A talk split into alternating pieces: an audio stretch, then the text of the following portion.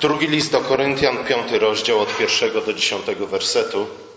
Przeczytam jeszcze raz ten tekst w tłumaczeniu tym razem Biblii Gdańskiej, nie Gdańskiej, co ja mówię, poznańskiej. Poznańskiej, czyli nie tej ostatnio wydanej, ale tej wcześniej wydanej. Słuchajcie, słuchajcie ze względu na to, że ten fragment jest e, tym fragmentem Pisma Świętego, gdzie tłumaczenie gdzie parafraza może sprawia, że tekst się lepiej czyta, że e, jak to się mówi, styl jest bardziej poprawny, może byśmy piątkę za ten styl w szkole dostali, e, a jednak bardziej dosłowne tłumaczenie, choć jest bardziej chropowate, jednak zdecydowanie więcej nam mówi na temat samego tekstu. Zwłaszcza, że tutaj apostoł posługuje się dwoma metaforami, które nakładają się na siebie nawzajem w sposób trochę dziwny. Z jednej strony to jest metafora, na, metafora namiotu, z drugiej strony to jest metafora ubrania, która to metafora niestety e, ucieka nam, jeśli za bardzo sparafrazujemy tekst. Pamiętajcie, estetyka nie jest wszystkim. Wiemy bowiem, że kiedy nasz namiot, w którym na ziemi przebywamy, ulegnie zniszczeniu, otrzymamy od Boga dom w niebie, wieczny, niezbudowany ręką ludzką. Dlatego wzdychamy, pragnąc przyodziać to mieszkanie z nieba na obecne. O ile jednak bowiem, o ile, o ile jednak będziemy przyodziani, a nie pozbawieni okrycia. Przebywając więc w tym namiocie, wzdychamy uciśnieni, ponieważ nie chcielibyśmy go rozebrać, lecz tylko przyodziać na niego mieszkanie z nieba, aby to, co śmiertelne, zostało wchłonięte przez życie. Bóg, który nas do tego przeznaczył, dał nam ducha jako zadatek. Ufajmy więc zawsze i wiemy, że jak długo przebywamy w ciele, jesteśmy pielgrzymami z daleka od Pana. W postępowaniu kierujemy się wiarą, a nie widzeniem. Ufamy. Chcielibyśmy raczej opuścić ciało i przebywać przy Panu. Dlatego obojętnie, czy przebywamy z Nim, czy też jesteśmy od Niego oddaleni, staramy się usilnie Jemu podobać. Wszyscy bowiem musimy stanąć przed Trybunałem Chrystusa, aby każdy otrzymał zapłatę, na jaką zasłużył za życia w ciele, dobrą lub złą. Apostoł Paweł czwartym rozdziale drugiego listu do Koryntian pisze wiele na temat własnych cierpień znoszonych dla Ewangelii. Nie jakichkolwiek cierpień, ale cierpień, które znosi ze względu na Ewangelię. Dzisiaj często się mówi, że ten, kto cierpi, ten jest osobą w sposób szczególny uprzywilejowaną, osoba cierpiąca zazwyczaj się staje autorytetem moralnym. Nic podobnego w Piśmie Świętym nie znajdujemy, nie? dlatego że Pismo Święte przypomina nam, iż czasami cierpimy ze względu na swój własny grzech, na swoją własną głupotę, a to nie czyni nas w żaden sposób autorytetem moralnym. Z drugiej strony Pismo Święte mówi o cierpieniach, które znosimy ze względu na wierność Chrystusowi, ze względu na wierność Ewangelii. I właśnie o takich cierpieniach apostoł tutaj mówi. Stwierdza, że w swoim słabym ciele, które przyrównuje do naczyń glinianych, Bóg okazuje swoją moc. No i może właśnie dlatego Pan Bóg uczynił nas glinianymi naczyniami, po to, aby objawić swoją moc, po to, aby nikt z nas się nie chlubił. Dlatego apostoł, jeszcze raz przypomina, nie we własnej mocy, lecz w mocy ducha znosi ucisk, znosi prześladowanie.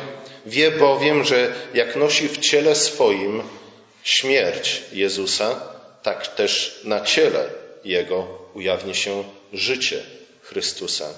Nie upada więc na duchu, lecz żyje w nadziei przyszłej, wiecznej chwały.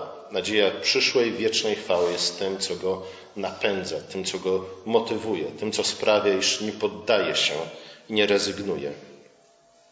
Choć oczy jego oglądają rozkład zmierzający ku śmierci, to jednak wiara upewnia go, że śmierć w Chrystusie prowadzi do życia wiecznego.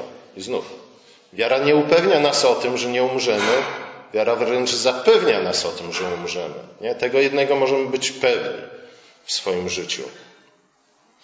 Ale z drugiej strony wiara w Chrystusa zapewnia nas, iż tak jak umrzemy w Chrystusie, czy też tak jak umrzemy podobnie do Chrystusa, podobnie też zostaniemy wzbudzeni do nowego życia w Chrystusie. Jeśli ktoś jest chrześcijaninem, po to, aby uniknąć śmierci, uniknąć konsekwencji życia w ciele, ten powinien jeszcze raz przemyśleć swoją motywacją.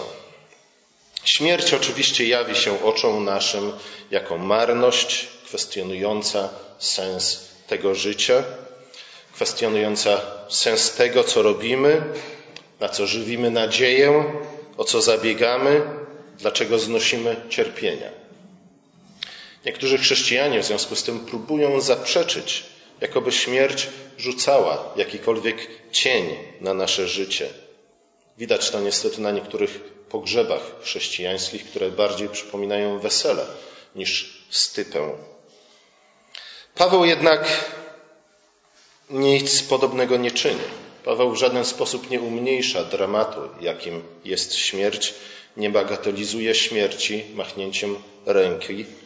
Nie traktuje jednak śmierci w sposób tragiczny, czyli w sposób, który rzeczywiście, tak jak twierdzą niektórzy, kończy wszystko nie? i wszystko czyni bezsensownym.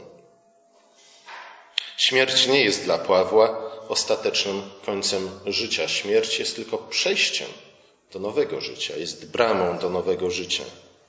Wskazuje na wszechmoc Bożą, która jest obecna nie tylko w życiu naszym, ale również w naszym umieraniu. Na wszechmoc Bożą, która również ujawni się w naszym zmartwychwstaniu.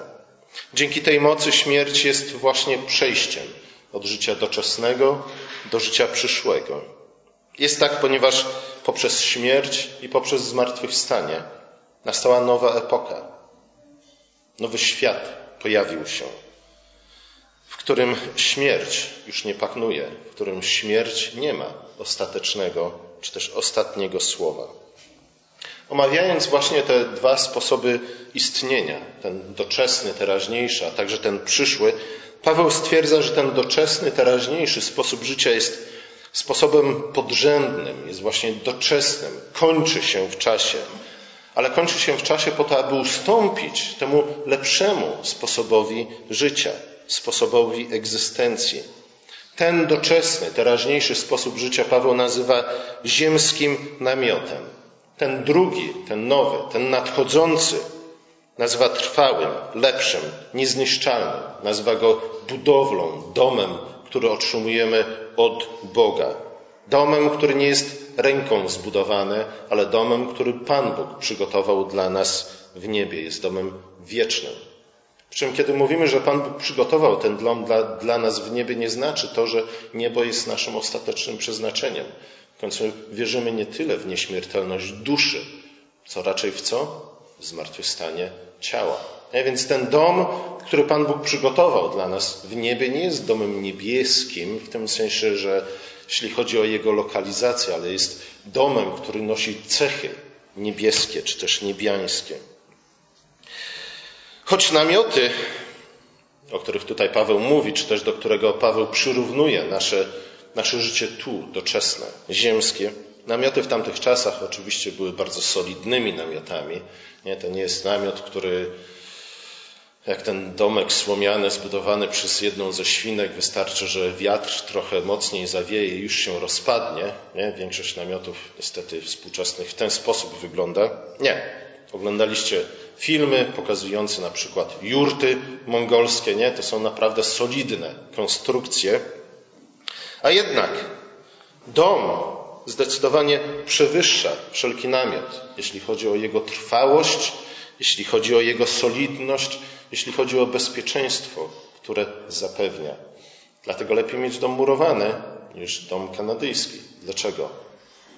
Ponieważ ściany murowane zatrzymają kule wystrzelone w waszym kierunku. Siding nie jest w stanie tego uczynić. Namiot, nawet najsolidniejszy, stanowi konstrukcję przenośną, nie? dlatego jest namiotem. Stanowi konstrukcję składaną, mniej odporną na czynniki atmosferyczne. Dlatego Paweł mówi, że nasze życie doczesne jest właśnie jak ten namiot. Jest konstrukcją tymczasową. Jest konstrukcją podatną na zniszczenie. Życie wieczne To, co nas oczekuje, jest raczej podobne do świątyni, którą zbudował król Salomon, niż do przybytku zbudowanego przez Mojżesza.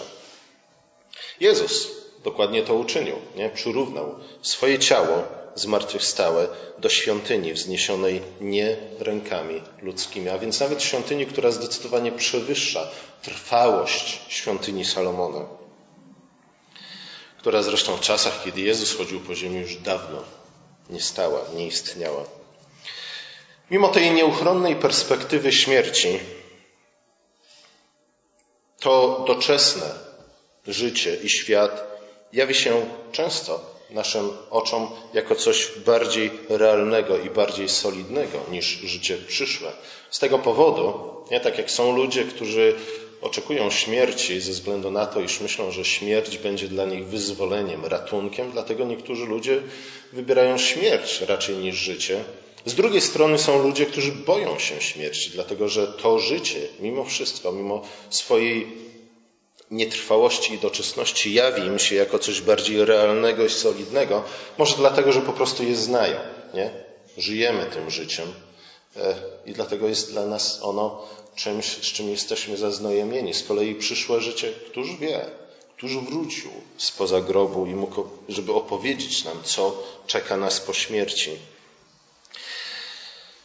Życie duchowe często jawi nam się jako coś mniej realnego, nie? Coś bardziej eterycznego, ulotnego. Tak nam się, tak najczęściej wyobrażamy sobie ducha, nie? Duch jest czymś lub kimś, kto jest w stanie na przykład przejść przez ścianę. Ściana jest solidna. Duch w związku z tym, wnioskujemy całkowicie fałszywie, jest czymś mniej solidnym. A jednak to, co nas czeka, te nasze przyszłe ciała, na które oczekujemy, są o wiele, czymś o wiele bardziej trwałym i solidnym. Właśnie dlatego, że nie są materialne, ale są duchowe. Dlatego, gdy mówimy o obecności duchowej Chrystusa w chlebie i winie, mówimy o obecności, która jest o wiele bardziej realna i rzeczywista niż jakakolwiek teoria mówiąca o tym, że substancja ciała Chrystusa w jakiś sposób miesza się z substancją chleba i wina. To my wierzymy w realną obecność Chrystusa w chlebie i wina, a nie ci, którzy twierdzą, że Chrystus w jakikolwiek sposób musi cieleśnie stąpić na ten ołtarz po to, żeby być między nami bardziej realnie obecny. W każdym razie Paweł stwierdza, że jest dokładnie na odwrót. To duch jest silny, to duch jest trwały, to duch trwa. To, co materialne, to, co fizyczne, jest doczesne i przemija.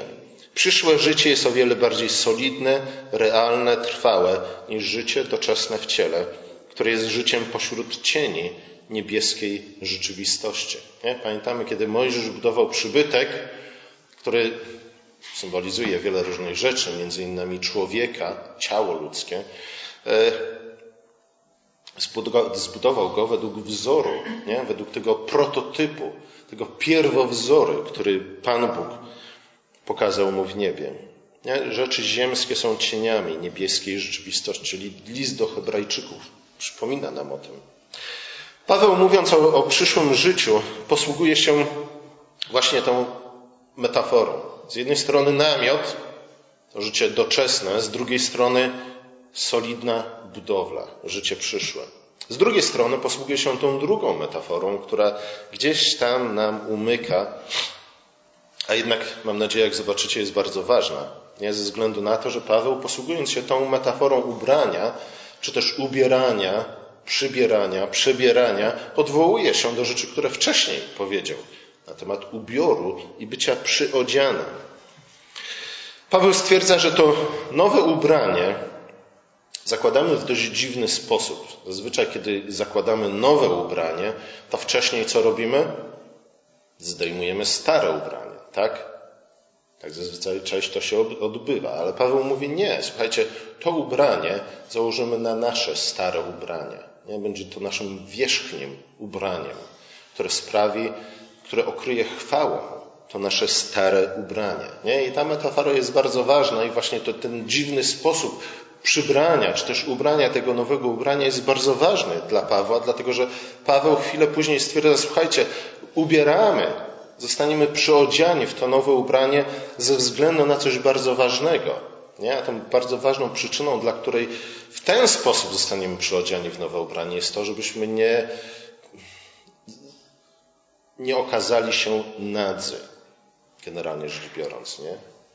Kiedy zdejmujemy jedno ubranie po to, żeby założyć drugie ubranie, jest ten moment, w, który jest, w którym jesteśmy nadzy. Nie? Dlatego zazwyczaj ubieramy, przybieramy się gdzie? W łazience, w własnym pokoju, a nie publicznie, ze względu na to, że z tym momentem naszego zakładania nowego ubrania wiąże się wstyd. Przynajmniej u ludzi, którzy mają słuszne, właściwe poczucie wstydu. Paweł mówi, tego momentu chcemy uniknąć, nie? Dlatego nowe ubranie, nowe życie przyodziejemy na to nasze stare ubranie. Z drugiej strony zobaczmy, co Paweł w ten sposób mówi. Wrócimy do tego pod koniec tego fragmentu, w dziesiątym wersecie, ale, ale Paweł mówi, słuchajcie, nie, nie chcemy z jednej strony okazać się nadzy, a z drugiej strony e, to ubranie, które w tej chwili nosimy, to nasze doczesne ubranie, nie jest ubraniem, które nie ma jakiegokolwiek znaczenia. Nie? Nasza nadzieja życia wiecznego, nadzieja na przyszłość, nadzieja na życie po śmierci nie jest nadzieją, która wiąże się z pozbyciem się całkowicie tego wszystkiego, co jest, co stanowi treść naszego życia tu i teraz, naszego doczesnego życia na ziemi. Tak jakby to absolutnie nie miało żadnego znaczenia. Paweł mówi wręcz przeciwnie. Nie? nie chcemy tego stracić. To jest częścią nas, to jest częścią naszej historii. Nic co dzieje się tu i teraz, w tym naszym doczesnym życiu, nie jest pozbawione sensu i znaczenia. Jak gdybym stwierdził inaczej, zaprzeczyłbym temu, że nasze życie tu w Chrystusie, doczesne życie, ma jakikolwiek sens i znaczenie. Dobra, idźmy dalej. Paweł mówi, że te dwa zestawy ubrania symbolizują z jednej strony to obecne, doczesne życie, którego nie pozbywamy się, nie, nie na tym polega nasze zbawienie. Z drugiej strony ten nowy zestaw ubioru, ubrania, które zakładamy na stare, jest nowym, przyszłym życiem w Chrystusie. Zresztą jedno i drugie życie jest życiem w Chrystusie. Obecnie wzdychamy z ciężkim brzemieniem, mówi Paweł. Ale kiedy mówi o tym wzdychaniu z ciężkim brzemieniem, kiedy mówi o tym ubraniu, na które musimy przeodzieć nowe ubranie, kiedy mówi o tym namiocie, który musi zostać obudowany tym, tą nową budowlą, solidną budowlą, Paweł w żaden sposób nie wyraża pogardy dla obecnego życia. Dlatego też Paweł nie jest człowiekiem, wbrew temu, jak niektórzy interpretują jego słowa, czy to z tego listu, czy z innych listów, gdzie mówi, och, chciałbym już umrzeć, żeby w końcu odpocząć. Nie? Paweł nie życzy sobie śmierci. Nie? Kiedy Paweł wypowiada się w ten sposób, mówi, że słuchajcie, wszyscy wiemy, że o wiele lepiej być z Chrystusem twarzą w twarz. Nie? Śmierć nie jest jego życzeniem. Nie? Śmierć w tym sensie, że och, końcu przestaną cierpieć, w końcu przestanie mnie boleć, w końcu ludzie przestaną mi zadawać ciągle te same głupie pytania, nie? W końcu będę mógł się wyspać do woli. Nie. Paweł mówi, to nie w śmierci szukam ukojenia. Nie? Dlatego, że jedyne ukojenie, jakie znajdę, to ukojenie płynące z tego, że w końcu stanę twarzą w twarz z Chrystusem. Dlatego Paweł stwierdza, nie chcemy być zewleczeni, czy też rozebrani. Nie, Paweł nie jest Grekiem, który twierdzi, że życie doczesne jest życiem polegającym na tym, iż nasza dusza, nie, która posiada ten boski element, została uwięziona w tym złym, grzesznym, upadłym ciele. Nie? I w związku z tym zbawienie oznacza uwolnienie, uwolnienie od tego doczesnego ciała. Paweł mówi bynajmniej, absolutnie, w ogóle mi o takie rzeczy nie chodzi. Nie, nie chcemy być zewleczeni, nie chcemy być rozebrani. Nie chcemy okazać się nadzy w procesie, w wyniku procesu tego przyobleczenia w nowe ubranie. A wynika to z tego, że, jak Paweł stwierdza, już teraz, już tutaj, wszyscy jesteśmy przyobleczeni w Chrystusie. Dokładnie Paweł mówi, list do Galacjan 3:27, wszyscy, którzy zostaliśmy ochrzczeni w Chrystusa, zostaliśmy przyobleczeni w Chrystusa. Nie? Już teraz, ciała, w których żyjemy, są ciałami, które oznaczają życie w przyobleczeniu Chrystusem. Kiedy spotkamy się z Chrystusem, kiedy zobaczymy Go twarzą w twarz, zostaniemy przyobleczeni jeszcze bardziej. Nie? Ale dlatego Paweł mówi, a nie śmierć nie jest moją nadzieją, ani pozbycie się tego doczesnego ciała, tej doczesnej formy egzystencji nie jest moją nadzieją. Moją nadzieją jest raczej to, abym został jeszcze bardziej przeobleczony w Chrystusa, abym mógł jeszcze bardziej zbliżyć się do Niego, abym mógł zobaczyć Go twarzą w twarz. Kiedy Chrystus przywita mnie po imieniu, nie? kiedy będę mógł chwalić Go i radować się Nim na wieki. Paweł nie jest w związku z tym epikurejczykiem. Pamiętacie Epikurejczyków? Nawet Pismo Święte o nich mówi. Epikurejczycy, czy też Epikur e, twierdził, że generalnie rzecz biorąc nie ma co się bać ani bogów, ani śmierci, ze względu na to, że nawet dusza ludzka składa się z atomów, w związku z tym, kiedy człowiek umiera, wszystko e, podlega czemu? Kompletnemu rozkładowi, dezintegracji. Osobowość ludzka po prostu ginie w momencie śmierci człowieka, więc przestajemy istnieć i nie ma się czego bać. Nie? Śmierci nie musimy się bać, jeśli rzeczywiście życie wam za bardzo doskwiera. Samobójstwo jest właściwą opcją. Nie? W zasadzie tak, nic nie ma żadnego znaczenia, nie? czy to w życiu, czy w śmierci. Tak mówił Epikur, ale Paweł nic podobnego nie stwierdza. Paweł nie, nie pragnie śmierci, po to, żeby zakończyć swoją doczesną egzystencję. Paweł nie, pra, nie pragnie śmierci też ze strachu przed tym, że jak niektórzy twierdzą, wszyscy samobójcy idą do piekła, nie? Pismo Święte nic podobnego nie stwierdza. E, czy Samson nie był samobójcą? W pewnym sensie tak, nie? Ale tu nie chodzi o te rzeczy. Paweł nie, nie mówi w tych kategoriach. My niestety zbyt dużo wchłonęliśmy nie? greckiego sposobu myślenia na temat życia i śmierci i dlatego trudno nam chwilami zrozumieć, co Paweł chce nam powiedzieć. W każdym razie Paweł nie pragnie śmierci, końca tej doczesnej egzystencji naznaczonej cierpieniem, e, lecz wygląda dnia, w którym to, co śmiertelne, zostanie wchłonięte przez życie. Nie wchłonięte nie w sensie, że zniszczone, ale wchłonięte w sensie, iż to życie będzie panować nad śmiercią, a nie na odwrót. Dodaję przy tym, że to pragnienie jest oczywiście czymś naturalnym. Nie? To pragnienie spotkania się z Chrystusa, bycie przyobleczonym do końca Chrystusa, oglądania Chrystusa twarzą w twarz ze względu na to, że dostaliśmy Ducha Świętego. Nie? Ducha, który jest jedną z trzech osób Trójcy Świętej, Ducha, który wraz z Ojcem i Synem żyje w odwiecznej więzi, w przymierzu, w perychorezie. Mówiłem wam, co to jest, więc nie będę drugi raz wyjaśniał. Nie? I właśnie ze względu na tę perychorezę między Ojcem, Synem i Duchem, Duch, który został nam dany, sprawia, że my też chcemy żyć w tej wspólnocie przymierza, wspólnocie miłości, uczestniczyć w życiu Ojca i Syna i Ducha Świętego. Dlatego, dlatego pragniemy, dlatego nasze oczy zwracają się ku przyszłości, ku temu, co będzie, ku temu, co nas czeka. Nie, nie zapominamy oczywiście o tym, co było, ale z drugiej strony nie jesteśmy nakierowani na to, co było. Nie, nie, nie marzymy, nie śnimy, nie modlimy się o powrót do raju, ale raczej o co? O to, co nas czeka, o nową Jerozolimę, o nową niebo, o nową ziemię.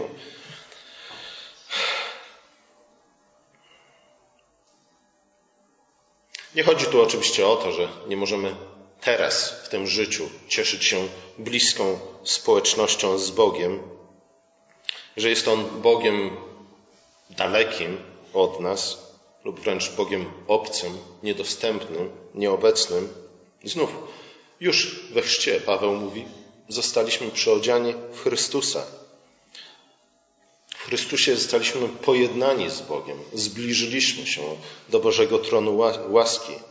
Raczej chodzi o to, że wciąż nie oglądamy Boga twarzą w twarz. Nie? Niektórzy mają ten przywilej, przynajmniej jak twierdzą, oglądać ciało naszego Pana Jezusa Chrystusa, a więc w pewnym sensie Boga twarzą w twarz każdej niedzieli, kiedy przychodzą nam msze. Nie? My w coś podobnego nie wierzymy. My wierzymy, że Chrystus przez swojego ducha jest jak najbardziej, jak najrealniej obecny tutaj, nie? ale wciąż Żyjemy wiarą, a nie oglądaniem. Nie oglądamy Boga w twarzą w twarz. Wciąż nie doświadczamy pełni chwały, pełni radości, pełni błogosławieństw, które będą cechować życie przyszłe. W związku z tym Paweł mówi, nadal żyjemy, czy też pielgrzymujemy. Idziemy, chodzimy, przez, idziemy przez to życie e, wiarą, a nie oglądaniem. Kiedyś będziemy oglądać, ale jeszcze nie. Dlatego to nasze życie tutaj jest życiem wiarą. Może właśnie dlatego Pan Bóg każe nam żyć tu, nie oglądając twarzą w twarz Jego, po to, abyśmy nauczyli się wiary, po to, aby nasza wiara mogła dojrzeć, po to, aby nasza wiara mogła stanąć się w końcu prawdziwą miłością. Żyjemy wiarą, a nie w oglądaniu. Słowa te stanowią, wydaje mi się, poważne napomnienie zaadresowane do tych chrześcijan, którzy podobnie jak chrześcijanie w Koryncie oczekiwali, oczekują, czy też oczekiwali, że już teraz, w tym doczesnym życiu, nie będziemy musieli żyć wiarą, ale będziemy mogli żyć oglądaniem. Że już teraz, w tym doczesnym życiu, doświadczymy pełni mocy wieku przyszłego. Że już teraz, w tym życiu, żadna choroba nie będzie nas się każde nasze przedsięwzięcie okaże się przedsięwzięciem pełnym sukcesu i zwycięstwa nie? Że nie będziemy musieli uronić ani jednej łzy w tym życiu, że nawet nie będziemy musieli czytać Pisma Świętego, nie? ponieważ Duch będzie do nas bezpośrednio przemawiał i bezpośrednio kierował, jak jakimiś automatonami. Nie? Chrześcijanie w Koryncie dokładnie tego oczekiwali. Wielu chrześcijan dzisiaj niestety tego oczekuje. I te słowa Pawła są napomnieniem nie? i przestrogą skierowaną do nas, jeśli i my należymy do takich chrześcijan. Pragniemy widzieć, jeśli pragniemy widzieć te spektakularne i cudowne znaki mocy ducha, nie? codziennie doświadczać tego wszystkiego. Ale Paweł mówi: Słuchajcie, póki co żyjemy wiarą, a nie w oglądaniu. A jeśli zapomnimy o tym, to niestety pomyli nam się w ogóle wszystko. To, w jaki sposób Duch Boży działa w naszym życiu tu, teraz, to czym jest to nasze doczesne życie, to czym będzie nasze przyszłe życie i ze względu na nadzieję, czego znosimy. Cierpienia i prześladowania, o których mówi apostoł Paweł. Takie nierealistyczne oczekiwania koniec końców okazują się wielce szkodliwe, nawet rujnujące, druzgoczące naszą wiarą, gdyż bardzo często rodzą rozgoryczenie, rozczarowanie, nie? a czasami nawet porzucenie wiary.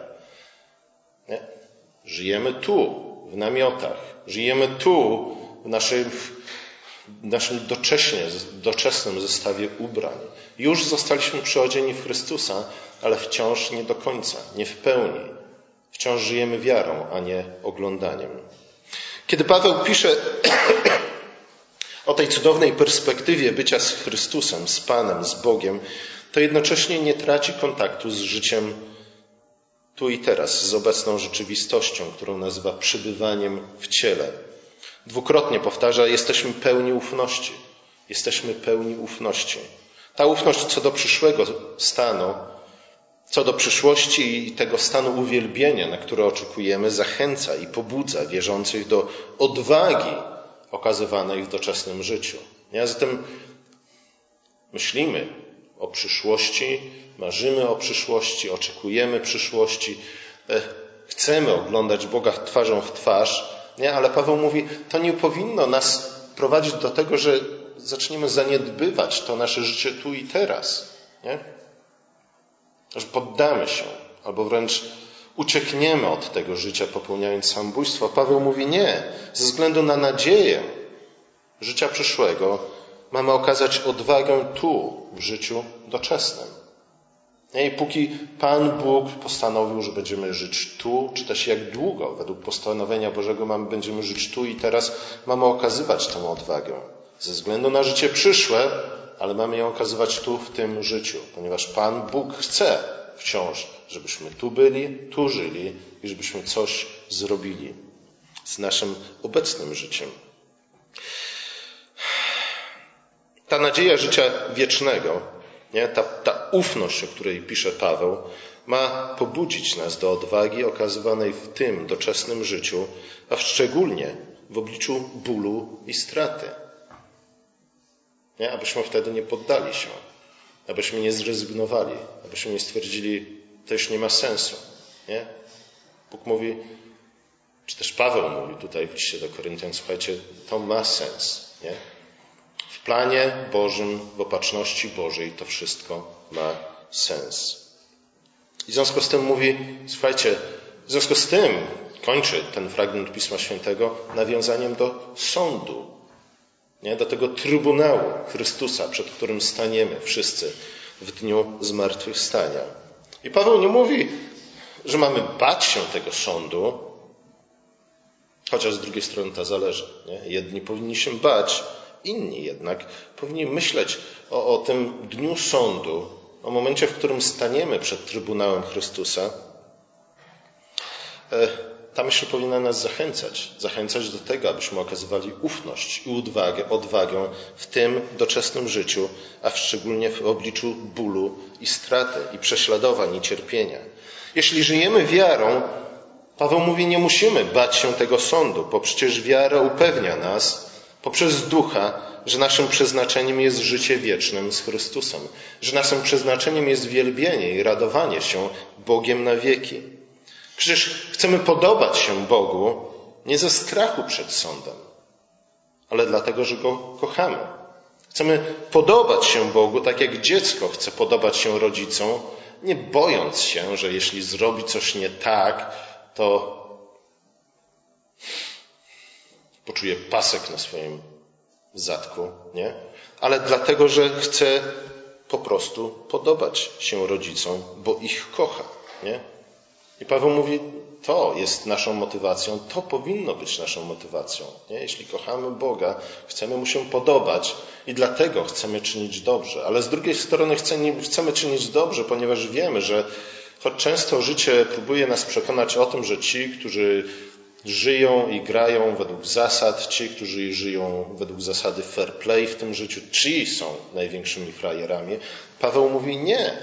Nie, właśnie sąd pokaże, kto był frajerem, a kto dochowując wierności Bogu i właśnie z tego względu znosząc prześladowania, nie, należąc może do tych, którzy byli wygnani na pustynię i musieli się tułać z dala od wszelkich domów ludzkich, nie, że to właśnie oni okazali się zwycięzcami w Chrystusie.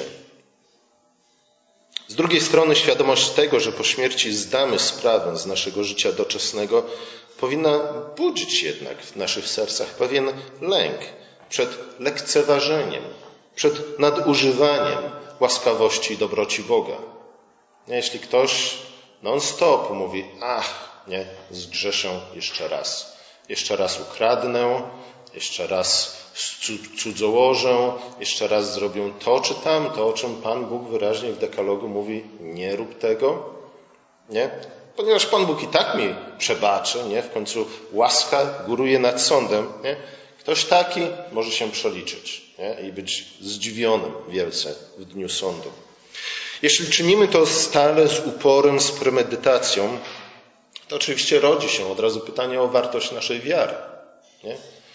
Czy jesteśmy chrześcijanami, czy służymy Bogu, czy żyjemy dlatego, że Bóg okazał nam miłość w Chrystusie, czy dlatego, że jesteśmy po prostu wyrachowanymi i tu sobie dopowiedzcie słowo. W każdym razie prawdziwa wiara, jak pisze Paweł do Galacjan, jest wiarą, która jest czynna w miłości. Nie? I taka wiara nas zbawia. W końcu fakt, że kiedyś staniemy przed Trybunałem Chrystusa, kiedy, jak czytamy w księdze Kocheleta, czyli kaznodziei Salomona, Bóg odbędzie sąd nad każdym naszym czynem, oznacza, że nasze doczesne życie nie pójdzie w zapomnienie. Nie? Zobaczcie, jednych ludzi, przeraża ta myśl, że Pan Bóg doskonale zna nie tylko wszystkie nasze czyny, wszystkie nasze słowa, ale także wszystkie nasze myśli i wszystkie nasze pragnienia. Nie? I z tego względu niektórzy boją się stanąć przed sądem i dlatego tak wiele jest teraz teorii w chrześcijaństwie, które mówią, ach, sąd nie jest ważny, nie? Miłosierdzie góruje nad sądem.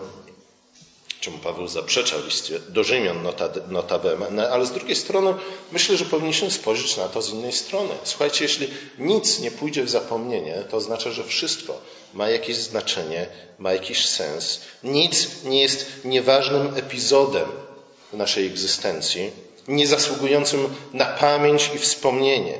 Przeciwnie, wszystko ma wieczne znaczenie. Kiedy znosimy więc ucisk i prześladowanie, kiedy odpieramy ataki złego, kiedy cierpimy dla Chrystusa, kiedy bolejemy nad stratą tych, których kochamy, wtedy możemy być pewni, że Chrystus nie zapomni o żadnej z tych rzeczy. Że Chrystus na żadną z tych rzeczy nie machnie ręką, nie powie, a to należy do tego starego, doczesnego rzymskiego życia, nie? Teraz ja was uwalniam od wszelkich waszych wspomnień, nie? Po to, żeby wam nigdy już w życiu nie było przykro, nigdy w wieczności nie było przykro. Paweł mówi coś innego, nie? Kohelet mówi coś innego. Mówi, słuchajcie, nie? To wszystko ma znaczenie. O tym wszystkim Chrystus będzie pamiętał. Za to wszystko Chrystus was wynagrodzi. Nie? Ze względu na to wszystko Chrystus otoczy was chwałą. Niektórzy zastanawiają się nad tym, czy kiedy spotkamy Jakuba, syna Izaaka w niebie, w jaki sposób rozpoznamy go? Nie? A przede wszystkim, czy nadal będzie kulał? Zastanówcie się nad tym pytaniem. Czy Jakub nadal będzie kulał? I czy wy, będąc na miejscu Jakuba, chcielibyście kuleć przez całą wieczność? Nie? Z jednej strony wieczność wydaje nam się być czymś, co całkowicie wyzeruje nasze życie tu, teraz. Nie? Ale to by oznaczało, że tak naprawdę to, przez co przechodzimy w tym naszym doczesnym życiu, nie ma absolutnie żadnego znaczenia. Nie? Że jedyną ważną rzeczą to jest to, czy załapiemy się na niebo, czy raczej załapiemy się na niebo. Ale raczej Pismo Święte od początku do końca i Paweł tutaj mówi, że to nasze życie tu i teraz jest naszym życiem, jest częścią naszej historii, jest częścią naszego wiecznego życia. Nie, nie tylko jakimś przygotowaniem na życie przyszłe, nie? ale jest, jest częścią naszego życia, naszej historii, w której Pan Bóg przemienia nas na podobieństwo Chrystusa. Mi się wydaje, że gdybym był Jakubem, to chciałbym kuleć przez całą wieczność, nie? ze względu na to, że, że to przetręcone biodro Jakuba jest jak ten order nie? na pierwszych żołnierza, który nosi dumnie ze względu na to, czego dokonał. Chrystus o niczym nie zapomina. Nie? Jeśli żyjemy wiarą, te słowa powinny natchnąć nas nadzieją, dodać nam odwagi tu, w tym doczesnym życiu. Pisał o tym w końcówce czwartego rozdziału. Albowiem nieznaczny chwilowy ucisk przynosi nam przeogromną obfitość wiekuistej chwały. Zobaczcie, co nam przynosi przeogromną obfitość wiekuistej chwały. Ten ucisk, który tu i teraz znosimy dla Chrystusa, ze względu na Chrystusa. Paweł nie mówi jeszcze raz, słuchajcie, zapomnijcie o tym wszystkim, nie? Nieważne. W końcu przestanie boleć. Czas uleczy wszystkie rany, nie? Skupcie się na tej przyszłej chwale. Nie, Paweł mówi, słuchajcie, ta przyszła chwała wyrośnie z ziarna tego obecnego ucisku i waszych cierpień, w których macie udział ze względu na Chrystusa. Chrystus nie zapomni, Chrystus nie odsunie tego w niepamięć, Chrystus tego w żaden sposób nie zignoruje, tak jakby wasze życie tu i teraz nie było ważne dla Niego. Raczej doceni, pochwali, wynagrodzi, otoczy przeogromną obfitością wiekuistej chwały. Nie stwierdza Paweł więc, że nie mamy przejmować się obecnym uciskiem, z powodu wiekuistej chwały, lecz że Bóg w swojej mądrości i w swoim miłosierdziu sprawi i sprawia, iż to właśnie z obecnego ucisku, przez który przychodzimy, ze względu na Chrystusa i dla Chrystusa, z tego ucisku zrodzi się przyszła chwała. I wtedy sprawdzą się w końcu słowa psalmisty do końca i w pełni, że ten, kto się ze łzami, ten będzie zbierał w radości. Amen.